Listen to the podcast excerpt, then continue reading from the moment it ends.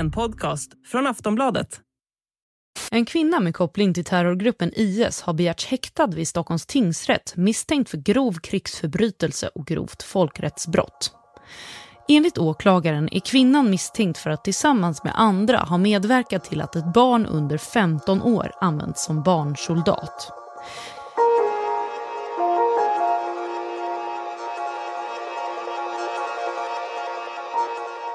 Hon växte upp i Halmstad, pluggade till sjuksköterska och var också en lovande fotbollsspelare.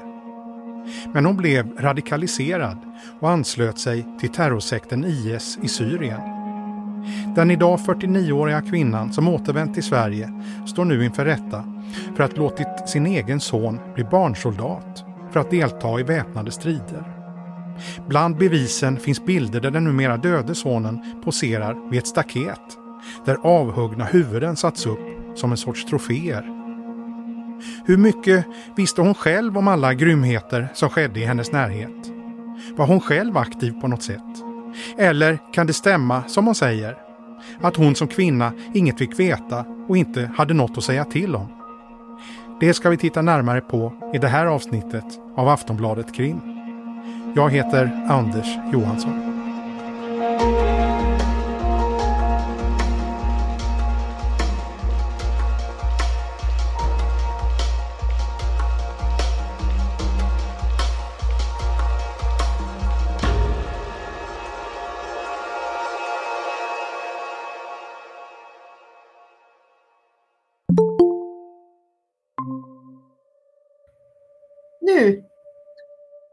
Det här avsnittet börjar vi med att ringa upp Anna Sundberg. Hon är lärare som arbetar fackligt. Men det är inte därför som vi ringer upp henne. Vi ska istället prata om hur hennes liv såg ut för över 20 år sedan. Framförallt har vi bett henne berätta om en specifik person som hon lär känna under 90-talet. Vi kommer till henne snart. Men vi börjar med Annas egen historia. Jag kommer ju alltså från ett, ett, ett samhälle som, som, där det handlade mycket om status och pengar och sådär. Eh, och det kände jag mig främmande inför. Eh, därför hade inte jag, kände jag någon gemenskap riktigt med någon gruppering. Eh, och jag, eh, när jag hamnade i, i universitetsstaden Lund och började plugga så eh, så, så hände det någonting som gjorde att jag fick en... Då, då blev jag troende ett, under ett samtal med en person och fick plötsligt alla svar på de här existens, existentiella frågorna som jag hade haft om, om hur en kvinna ska vara, vad, är, vad innebär det att vara god och eh, vad är meningen med alltihopa, med hela existensen. Anna konverterar till islam, gifter sig och hoppar så småningom av sin utbildning. Efter att hon konverterat hamnar hon i en gemenskap som lever efter den hårdföra och bokstavstroende riktningen inom islam som kallas salafism. Det är i den här miljön som hon träffar det här avsnittets huvudperson. Kvinnan vi valt att kalla Sara. Um, jag minns henne som en väldigt eh, social och vänlig, gästvänlig eh, person. Eh, hon var väldigt eh, mån om att lära sig eh, om sin religion. Eh, hon var också väldigt fäst vid sin man, märkte jag. Och eh, lite grann upphöjde honom. och jag hörde aldrig att hon sa någonting sa något illa om honom eller hade betänkligheter runt eh, hans sätt att vara. Eller så. Eh, han, eh, jag, jag känner inte till så hemskt mycket om honom egentligen just då. Eh, för att vi, var ju, vi levde ju eh, separerat så att säga från männen. Vi träffade bara våra egna män och, och eh, våra närmaste släktingar. Som, eh, annars fick vi inte umgås med det motsatta könet. Liksom.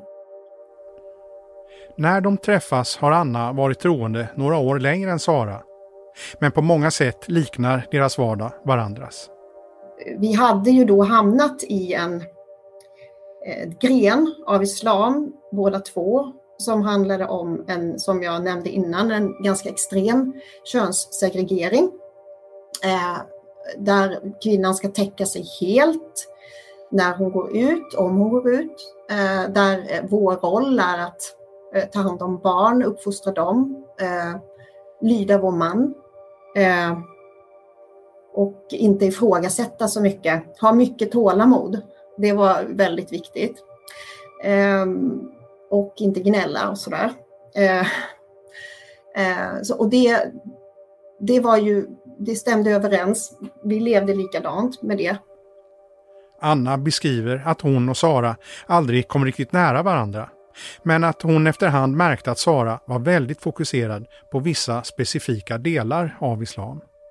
Eh, det, blev, det blev ju mer och mer eh, eh, fokus på eh, jihad och på att man eh, skulle flytta från eh, det här landet eller det här, det här sättet att leva till ett muslimskt land där barnen skulle lära sig arabiska, eh, där man umgås med andra muslimer, eh, där man kommer ifrån sånt som man ansåg, eller som vi ansåg vara farligt för vår religion, för vår, för vår ideologi och för vår eh, tro helt enkelt. Under de här åren tycks alltså deras liv vara förhållandevis lika. Men deras vägar ska skiljas åt. Eh, ja, alltså eh, jag reste ju utomlands eh, första gången ungefär runt 2000. Eller 20, ja, och eh, då var jag ju inte längre kvar i, i, i Sverige.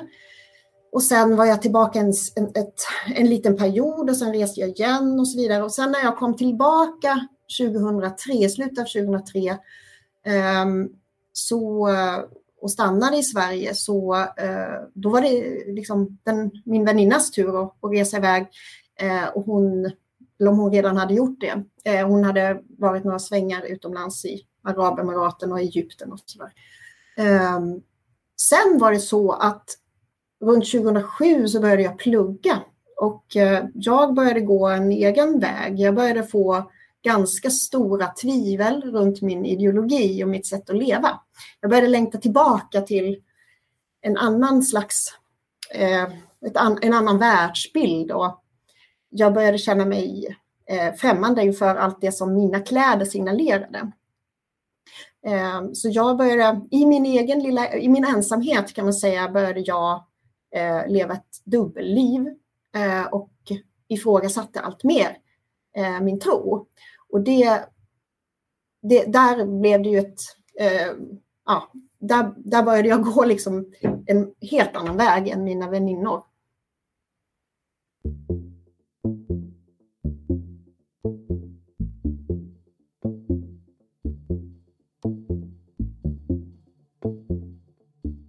Annas tvivel leder till att hon till slut lämnar salafismen runt 2010. Hon gör upp med det livet och berättar sen om sina 16 år i den radikala islamistiska miljön i boken Älskade terrorist som hon skrivit tillsammans med journalisten Jesper Huor. Idag arbetar hon alltså som lärare och driver fackliga frågor. Vi ska återkomma till Hanna Sundberg för att prata mer med henne lite senare. Men det här avsnittet handlar ju egentligen främst om hennes väninna Sara och hennes resa. En resa som ska ta henne från en stad i Västsverige via Förenade Arabemiraten, England, Egypten och hela vägen till Islamiska staten. För att till slut landa i en svensk rättssal.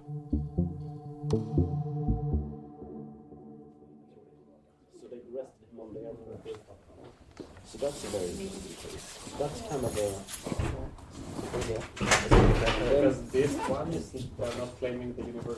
Vi sitter utanför säkerhetssalen i Stockholms tingsrätt. Det är den 12 januari 2021 och klockan är strax innan nio.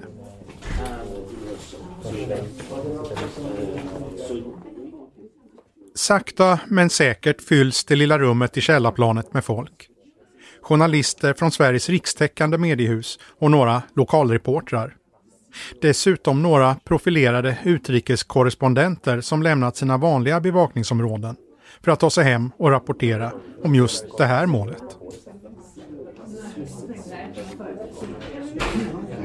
Det är inte bara mediafolk och vakter här. Vid en soffa sitter en professor i folkrätt och har en snabb genomgång med vad som tycks vara några av hans elever. Det är ingen slump att de valt att besöka just det här målet. Vi återkommer till varför.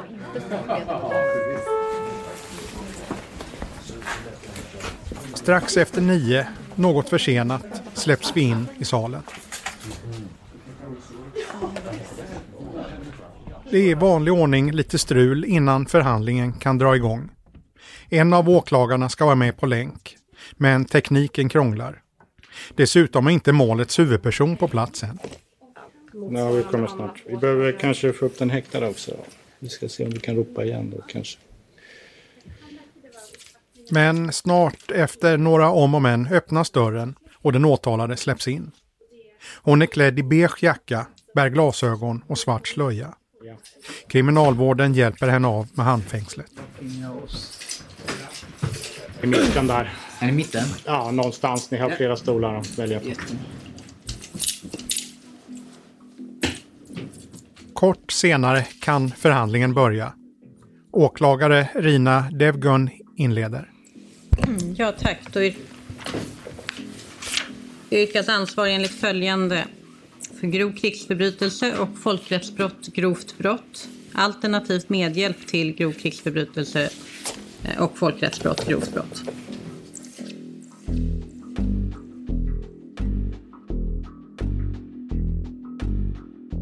Det som ska avhandlas i rätten den här dagen hör inte till vanligheterna. Tvärtom, det rör sig om ett unikt åtal. Just krigsförbrytelser har visserligen tidigare hamnat i svenska domstolar. Men det här fallet rör en mycket specifik form av den sortens brottslighet. Krigsförbrytelse genom användande av barnsoldat. Åklagare Rina Devgun adresserade själv tidigt i sin sakframställan. Eh, det här är första gången i Sverige som vi prövar ett mål som rör just användandet och rekrytering av barnsoldat. Och med anledning av det så kommer vi kort gå igenom lite den bestämmelsen och hur vi ser på det brottet. Att det är första gången innebär också att det är delvis oprövad juridisk mark. Ett faktum som också innebär att det inte finns några liknande fall att jämföra med. För varken åklagaren eller domstolen. Det finns ingen praxis. Vi ska återkomma till de juridiska frågetecknen i det här målet senare. Men vi börjar med den livshistoria som allt kretsar kring. Och vi spolar tillbaka bandet till mitten av 90-talet. Då är kvinnan, som vi i det här avsnittet kommer kalla Sara, runt 25 år gammal. Hon har då haft en framgångsrik karriär som fotbollsspelare bakom sig och tagit sig hela vägen till damallsvenskan. Nu har hon utbildat sig till sjuksköterska och bor i Halmstad. Det är då hon träffar sin man och i samma veva konverterar hon till islam. Under de följande åren beskriver personer i hennes närhet hur hon tycks praktisera en allt mer strikt, hårdför och radikal tolkning av religionen. 2002 bestämmer hon sig för att lämna landet. Sen flyttar hon med sina då eh, fyra barn till Förenade Arabemiraten och där bor hon fram till 2009. Under den här perioden bor hon inte tillsammans med sin man, men de tycks hälsa på varandra då och då. 2009 flyttar hon hem igen. Sen efter det så är hon hemma i Sverige en kort tid, 2009, men därefter så flyttar hon till England. Även denna gång stannar hennes man i Sverige och tycks också börja göra sig ett namn i radikala islamistiska kretsar. I en rapport som ingår i förundersökningen beskrivs hur hennes man driver en sajt som gav uttryck för våldsbejakande islamistiska åsikter. Samma sajt ska senare användas för att försöka rekrytera svenska IS-krigare. Sajten registreras redan 2009, alltså ungefär samtidigt som Sara flyttar till England. Eh, hon bor där i cirka två år och som jag förstått det så är hon hemma på loven ibland i Sverige med barnen. Från England så reser hon till Egypten. Det här ska ske ungefär 2012. Cirka ett år senare är det dags att röra på sig igen. Hon bor i Egypten fram till slutet av april 2013 då hon åker till Syrien. Det är egentligen här som den här historien börjar på allvar. Och det kan vara värt att påminna sig om vilket land Syrien är våren 2013. Det syriska inbördeskriget hade då rasat i två år. Men det är först den här våren som Islamiska staten på allvar börjat etablera sig i området. Det är alltså i samband med det här som Sara reser till landet och tar med sig sina barn. Från tiden då familjen kommer till Syrien är det skralt med information om vad som händer. Men det går snabbt utför. Bara några månader efter att de kommit på plats dör barnens pappa efter en attack mot en militär flygplats. Kvar är mamma Sara med sina barn. Det lilla vi vet om familjens liv har kommit fram genom att åklagaren fått pussla ihop en tidslinje med hjälp av olika källor. Läckta dokument från Islamiska staten, chattkonversationer mellan familjemedlemmar och sparade bilder. Fram träder en bild av en familjesituation som gradvis blir värre och värre. Huvudpersonerna i den här berättelsen är alltså mamma Sara och en av hennes söner som vi kallar Abdi. Han är bara 12 år när familjen kommer till Syrien. Utöver de två kommer vi även prata om en äldre bror som vi kallar just storebror och en äldre släkting som är kvar i Sverige. För när vi berättar den här historien kommer vi nämligen främst luta oss mot chattmeddelanden som skickats mellan storebror och den äldre släktingen. De första meddelandena skickas den 30 september 2013, några månader efter att familjen tagit sig till Syrien. Det är den äldre släktingen som oroar sig för familjen och skriver till storebror. Polisens utredare läser upp chattarna i rätten. Ska ni stanna där? Ja, jag stannar. Men om läget förvärras, då skickar jag iväg familjen. Mamma vill inte åka. Vart ska de åka? De vill dö här. Här. Kort senare skriver de till varandra igen och storebror berättar att han ska ut och strida. Den äldre släktingen undrar hur allt går. Eh, Nå älskling, mår du bra? Berätta, hur har det gått för dig? Inget hände, det var några som ville stoppa mig. På torsdag ska jag på ett stort slag. Om det händer mig något vill jag att du förlåter mig. Bli inte ledsen. Nej, bege dig inte. Jag svär, det gör oss ledsna. Det är inte bara storebror som blir involverad i den väpnade kampen. Enligt åklagaren tränas även lilla Abdi upp för strid och skickas till träningsläger. Storebror förklarar varför Abdi behöver utbildas där. Jag tog honom. Istället för att sitta hemma så lär han sig något. Den äldre släktingen ställer sig frågande till varför en liten pojke ska vara i träningsläger. Älskling, det är inte där han ska vara. Ni måste gå i skolan för att lära er.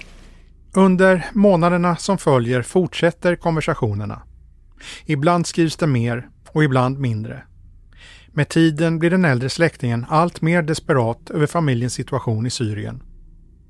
I augusti 2014 skriver hon igen med storebror.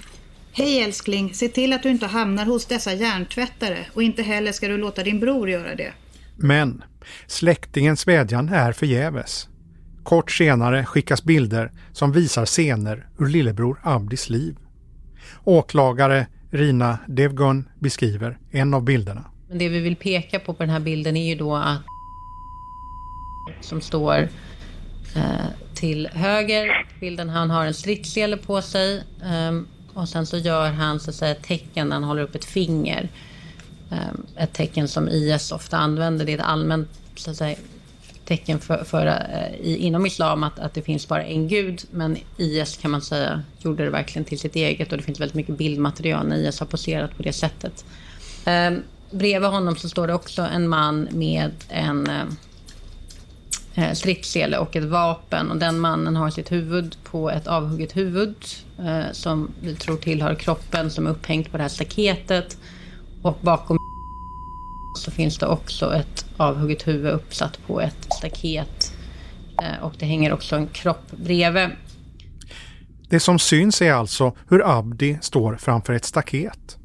Och bakom honom, på staketet, har avhuggna huvuden blivit spetsade och uppsatta som en sorts troféer. Och bredvid honom står en man med ett automatvapen. Abdi är fortfarande ett barn.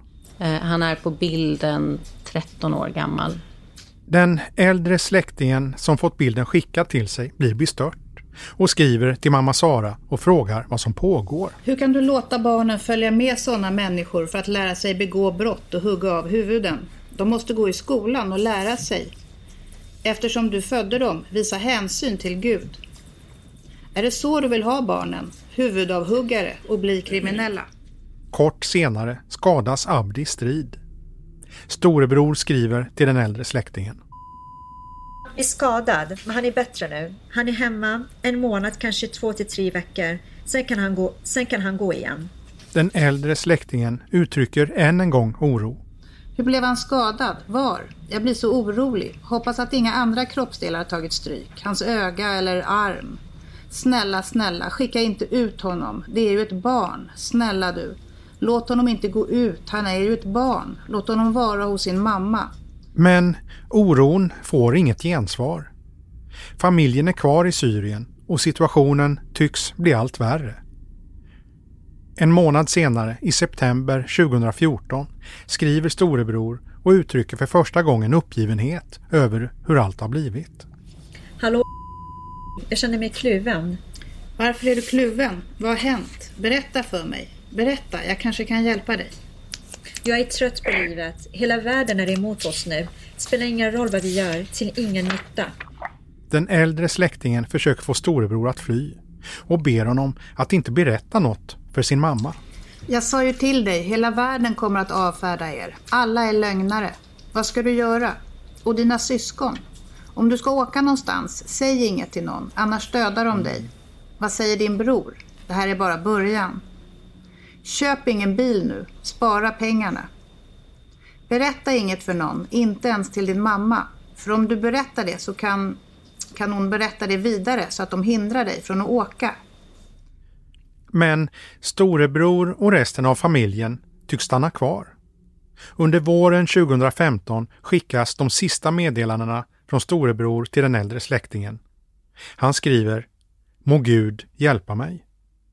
Meddelandet följs av flera textmeddelanden från den äldre släktingen som ber honom skriva och höra av sig, men utan resultat.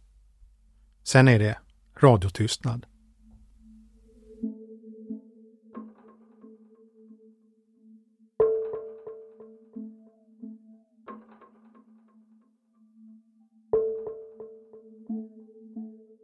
Under hösten 2016 dör storebror i strid. Han är då runt 20 år. Ungefär ett år senare stupar även lillebror Abdi, då 16 år gammal. En av IS egna hemsidor basunerar ut nyheten att en svensk martyr dött i kriget. Åklagare Rina Devgun igen. Den här publiceringen sker den 5 eh, september 2017. Eh, och med det så vill vi visa på att eh, vid den här tidpunkten på något sätt ingått i IS eh, med hänsyn till att han blir publicerad och ehm, så att säga, anges vara en martyr. Under tiden som följer vet vi väldigt lite om vad som händer familjen. Under hösten 2018, ett år efter att lillebror dött i strid, skriver mamma Sara till en släkting i Sverige. Hon har då förlorat Abdi, hans storebror och ytterligare en av sina söner. De tycks bo på gränsen nära Irak och i ett flertal meddelanden beskriver hon sin familjs vardag. Den andra åklagaren i målet, Carolina Wislander, läser. Vi alla i min familj nöjda över det liv vi lever.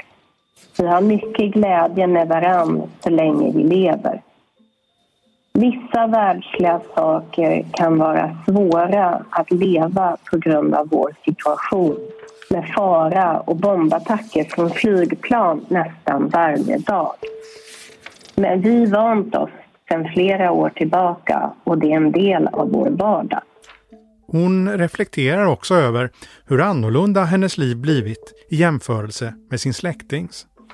Så konstigt när jag ser på bilderna. Det är som om vi lever på två olika planeter. Du är upptagen med halloween och jag är upptagen hitta mat för dagen. Men tro inte jag är ledsen eller något. Bara tankar om hur vår värld ser ut. Underligt, eller hur?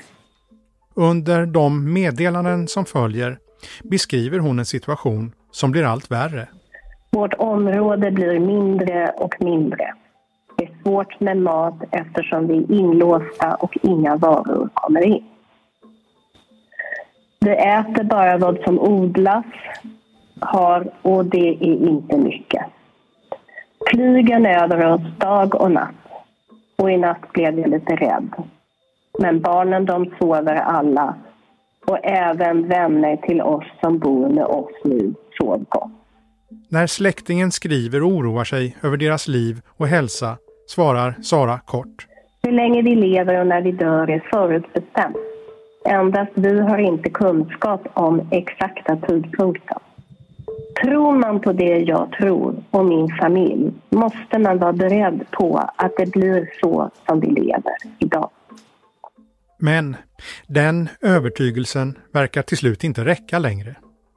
Under 2019 skriver Sara igen och ber släktingen att skicka pengar så att de ska kunna lämna området. När hon får ett nej tillbaka blir hon upprörd. Du kan inte eller du vill inte. Hade känslan att du skulle neka men hoppades på bättre. Jag skulle aldrig göra så mot dig och din familj. Efter det här följer några meddelanden till och sen blir det tyst. Sara överlämnar sig själv till Al-Hol-lägret tillsammans med sina barn för att sen fly till Sverige. I december 2020 grips hon på Arlanda. Idag greps ytterligare en IS-kvinna på Arlanda. Polisen uppger för Ekot att hon greps idag på förmiddagen. Enligt SVT Nyheter har kvinnan suttit i förvar i Turkiet efter att hon flydde Al-Hol-lägret i de kurdkontrollerade områdena i Syrien. Enligt uppgifter till Ekot hade hon med sig två barn när hon landade på Arlanda.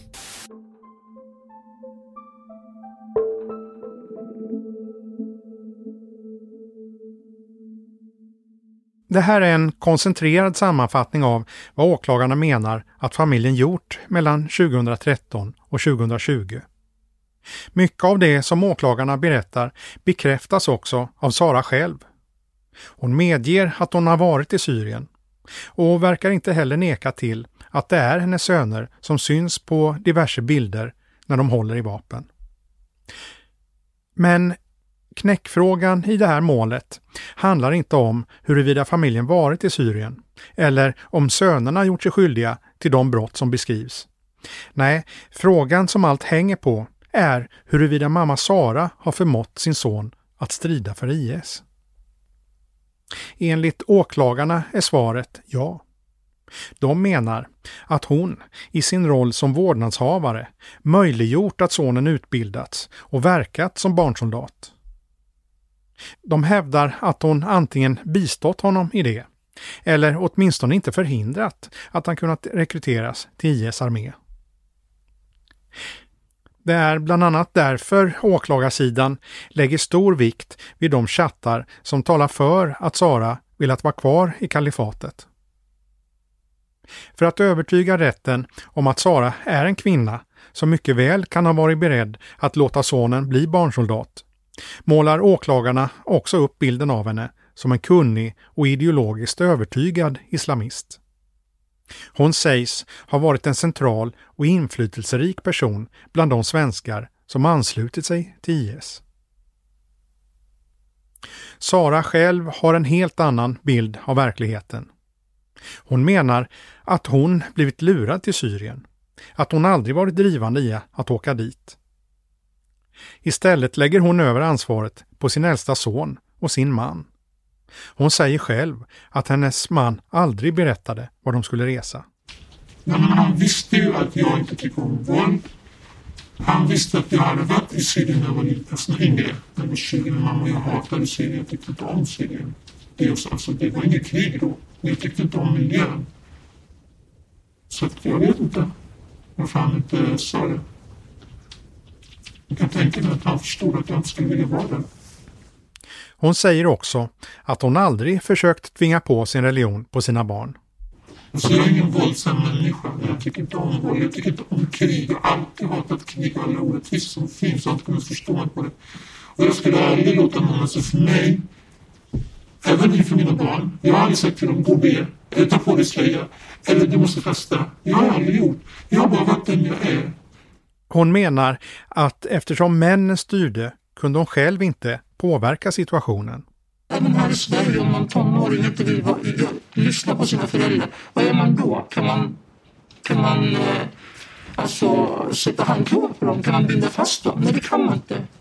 Det är ännu svårare där när det är männen som styr där. Det pojkarna blir som små män. De tror ju att de är äldre än vad de är.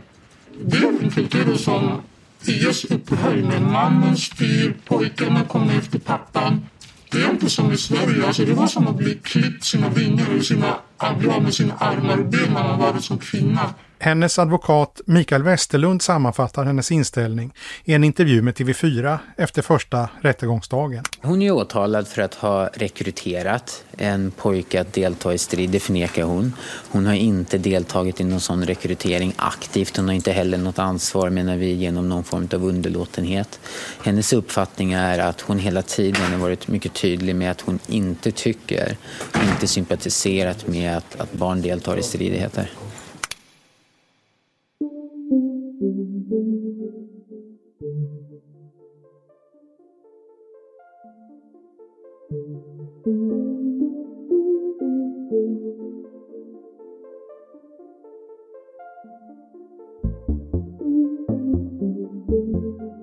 Fallet med Sara är unikt, just eftersom det rättsligt handlar om huruvida hon förmått ett av sina egna barn att strida för Islamiska staten. Brottet krigsförbrytelse genom användandet av barnsoldat har som sagt aldrig tidigare prövats i Sverige. Men Sara är långt ifrån ensam om att misstänkas för brott i samband med att hon återvänt från IS. Under de senaste åren har flera IS-återvändare gripits när de landat i Sverige. Så sent som i slutet av januari i år, under tiden som vi jobbar med det här avsnittet, grips två kvinnor när de landar på Arlanda. Två kvinnor och deras barn som suttit i IS-läger i Syrien landade i Sverige idag efter att ha utvisats av det kurdiska självstyret i Syrien. Kvinnorna greps av väntande polis. De två kvinnorna släpps senare på fri fot, men misstankarna kvarstår och kommer utredas vidare. Alla som kommit tillbaka på senare år och som utvisats från Syrien har blivit ett ärende för krigsbrottsgruppen vid polisens nationella operativa avdelning, NOA. En grupp som funnits sedan 2008. Chefen för gruppen heter Patricia Rakic Arle och hon berättar att just den här typen av brott ofta är svårutredda. Ja, svårigheten till att börja med är ju att brotten har begåtts utomlands. Att eh, de platserna där brotten har begåtts är inte alltid tillgängliga för oss.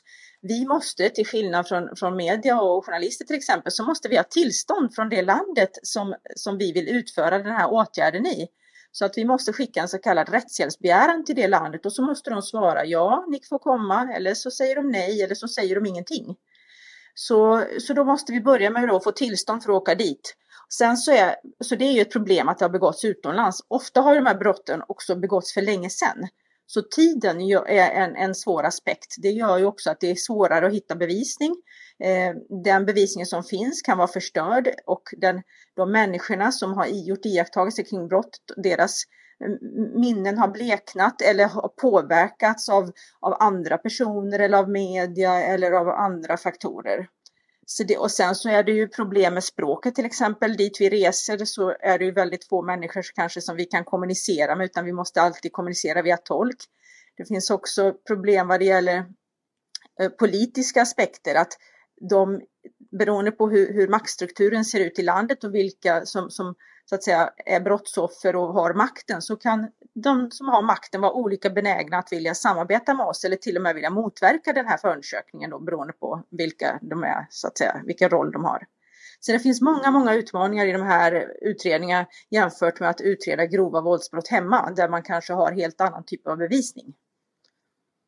Patricia Rakic Arle berättar vidare att krigsbrottsgruppens utredningar lett till åtal i 14 fall och att det blivit fällande domar i alla mål som prövats i domstol utom ett. Att det inte blivit mer än i genomsnitt ett åtal om året sedan gruppen startades 2008 menar hon säger en del om hur svårt det är att hitta hållbar bevisning. Hur många utredningar har de då på sitt bord idag? Ja, det, det varierar ju lite över tid. Vi inleder nya förundersökningar och en del läggs ner, men eh, mellan 60 och 70 eh, förundersökningar ungefär pågår just nu. Och, och vad är din känsla? Vågar du ha någon uppfattning om huruvida ni kommer få framgång så att ni kan nå ett åtal? Det är svårt att säga. Det beror helt på vilken bevisning vi får in och vi har ju ett väldigt intensivt internationellt samarbete i alla de här förundersökningarna, en del mer än andra. Så att det beror helt på vilken bevisning vi kan få in från de samverkanspartner vi har runt om i världen. Men eh, vi vänder på varenda sten i varje förundersökning och, eh, och liksom försöker komma eh, så långt vi kan. Eh, absolut, för att det här är ju mycket allvarliga brott. Sen ska jag säga att Många av de anmälningarna vi har som vi upprättar kommer ju efter anmälningar från Migrationsverket där personer själva har angivit att man har begått brott eh, i sitt hemland på det ena eller andra sättet. Man har tillhört någon militär eh, gren eller någon milis. För man, ange, an, man anger det som ett asylskäl för att man då inte kan återvända till hemlandet. Och jag ska säga, det, det räcker så att säga inte att en person själv uppger att man har begått ett brott utan det måste kunna styrkas rent objektivt. Och där har vi en hel del stora utmaningar vad det gäller de, de typen av anmälningar. När det gäller krigsförbrytelser tillämpar Sverige vad som kallas universell jurisdiktion. Det innebär att brott kan utredas oavsett var i världen de är begångna eller vilken nationalitet som gärningsmännen eller offren har. Patricia Rakic Arle förklarar bakgrunden. Det är ju så att Sverige som land har ingått en hel rad internationella konventioner och avtal där vi har förbundit oss att göra detta, att spåra upp misstänkta krigsförbrytare i Sverige och att försöka lagföra dem och hitta även eh, brottsoffer eh, till de här brotten och samarbeta med andra länder i att göra så. Det har vi förbundit oss både via Genèvekonventionerna men nu senast också 98 genom Romstadgan och eh, Romfördraget. Så att Sverige har tillsammans med många andra länder inom framförallt EU ett internationellt åtagande att göra detta. Så att vi har förpliktigat, vi förpliktigar oss genom de här avtalen att göra så. Och det är också mycket, mycket allvarliga brott. Så att det är absolut angeläget att svensk polis arbetar med att utreda de här brotten. Men inte bara för att de misstänkta personerna ska lagföras och att brottsoffren ska få upprättelse, vilket är mycket viktigt, men också för att Sverige inte ska bli en fristad för krigsförbrytare. Inte en fristad för krigsförbrytare, nej. I vilken utsträckning tror ni att eh, det finns krigsförbrytare som ändå lever fritt i Sverige som inte är upptäckta?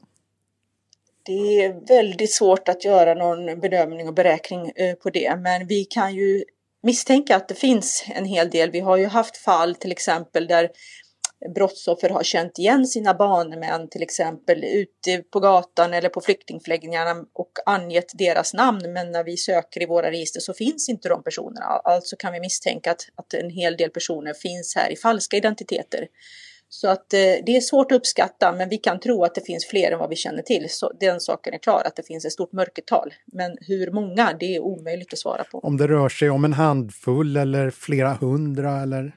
Nej, det, det vet, det, det är ingen som vet helt enkelt. Men om vi kan se till den stora flyktingströmmen vi hade under 15, 19, eller 2015 2016 så kan vi väl misstänka att det i den strömmen kan gömma sig eh, bland de flesta är naturligtvis brottsoffer och flyr från krig och förtryck, men vi tror också att det finns en del krigsförbrytare bland dem. Patricia Rakic Arle, chef för krigsbrottsgruppen vid NOA. säger att de är tacksamma för alla tips från allmänheten som de kan få. Både stora och små tips kan leda arbetet framåt. Nej, det finns ingen, ingen lägsta nivå så att säga, men, men en krigsförbrytelse är ett allvarligt brott. Så att har man, har man blivit utsatt för ett, ett, ett misshandel eller tortyr eller, eller andra typer av grova brott som, som många i civilbefolkningen ofta blir under krig, eh, så är vi intresserade av den informationen. Men också om man själv inte har varit utsatt men har kännedom om personer som kan ha gjort sig skyldiga till krigsbrott som finns i Sverige så är vi också mycket intresserade av den informationen.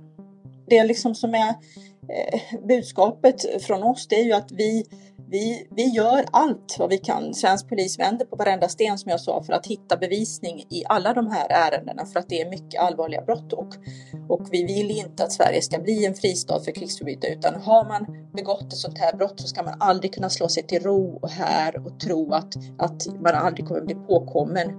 Utan eh, så finns det personer som gömmer sig här som har begått de här brotten så ska de liksom känna att, att vi flåsar dem i nacken helt enkelt. Och att, att man inte kan slå sig till ro. Likadant om man har rest från Sverige för att begå brott i andra länder, så ska man inte kunna komma tillbaka och tro att, att ingen kommer bry sig om vad jag har gjort där borta.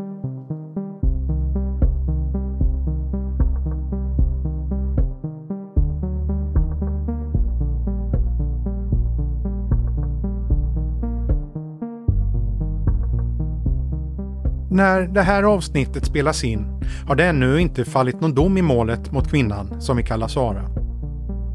Domen i tingsrätten kommer i mitten av februari och enligt flera bedömare kan fallet behöva gå igenom flera rättsinstanser. Eftersom det inte finns något prejudikat på området är det inte omöjligt att det hela slutligen hamnar i Högsta domstolen.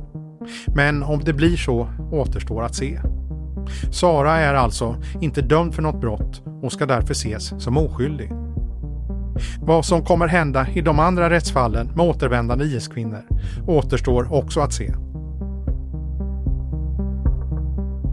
En fråga som ofta diskuteras när man pratar om radikal islamism eller andra våldsbejakande rörelser är hur samhället ska motarbeta rekrytering till den här typen av grupper.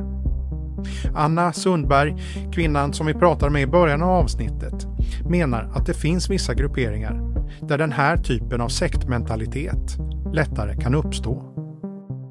Alla grupperingar som, som, som eh, hävdar att eh, man har den enda sanningen eh, är ju lite, ligger ju lite i farozonen. Eh, om, om det är vi mot, mot resten av samhället eller det är vi som har den enda sanningen eller om du tvekar inför det vi säger i den här gruppen så eh, är du en svag och dålig människa. Eh, alla de grupperingarna är ju lite farliga för en människas eh, välbefinnande men kan också vara farliga för andra om det också inbegriper våld. Eh, och, och, i så fall skulle man ju, alltså vi vet ju vad som händer i Knutby till exempel, eh, men vi vet också vad som händer i eh, ungdomsgäng där, där man upphöjer kriminalitet och våldsamhet. Eh, där måste man, liksom vi var i en grupp där eh, våld upphöjdes så finns det ju också i en sån i en gängkriminalitet idag där eh, den som är bäst, det är den som också är beredd att skada någon annan. Den som vi ser upp till är den som också är beredd till våld. På frågan om det är en viss typ av människor som har lättare att dras till och falla för den här typen av budskap svarar hon att det ofta handlar om människor som söker en gemenskap, som inte har en tydligt utstakad väg framåt, som har dålig självkänsla som känner sig osäkra, som helt enkelt inte har en stadig grund att stå på. Anna säger att det är svårt att svara på hur samhället ska motverka radikalisering, men att det finns små och enkla medel som kan hjälpa att göra skillnad för den som hamnat snett.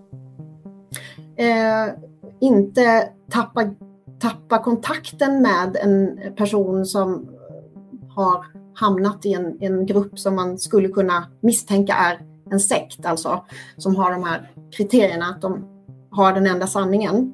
eh, och eh, alla utanför är eh, fiender eller har fel. Eh, det kan ju finnas många grupperingar som är så, men man, man ska alltid, eh, det har jag sagt vid flera tillfällen, man ska aldrig stänga dörren till en sån, eh, för en sån person, utan visa att vi, du är välkommen tillbaka när du vill och fortsätta sträcka ut händerna mot den personen.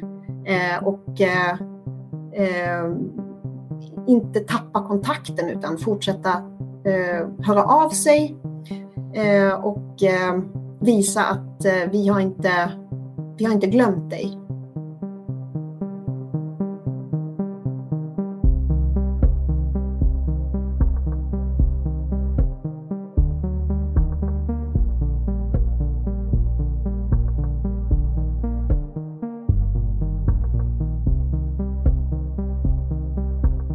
Du har lyssnat på ett avsnitt av podden Aftonbladet Krim. Klippen kommer från Sveriges Radio. Producent var Marcus Ulfsand. Jag heter Anders Johansson.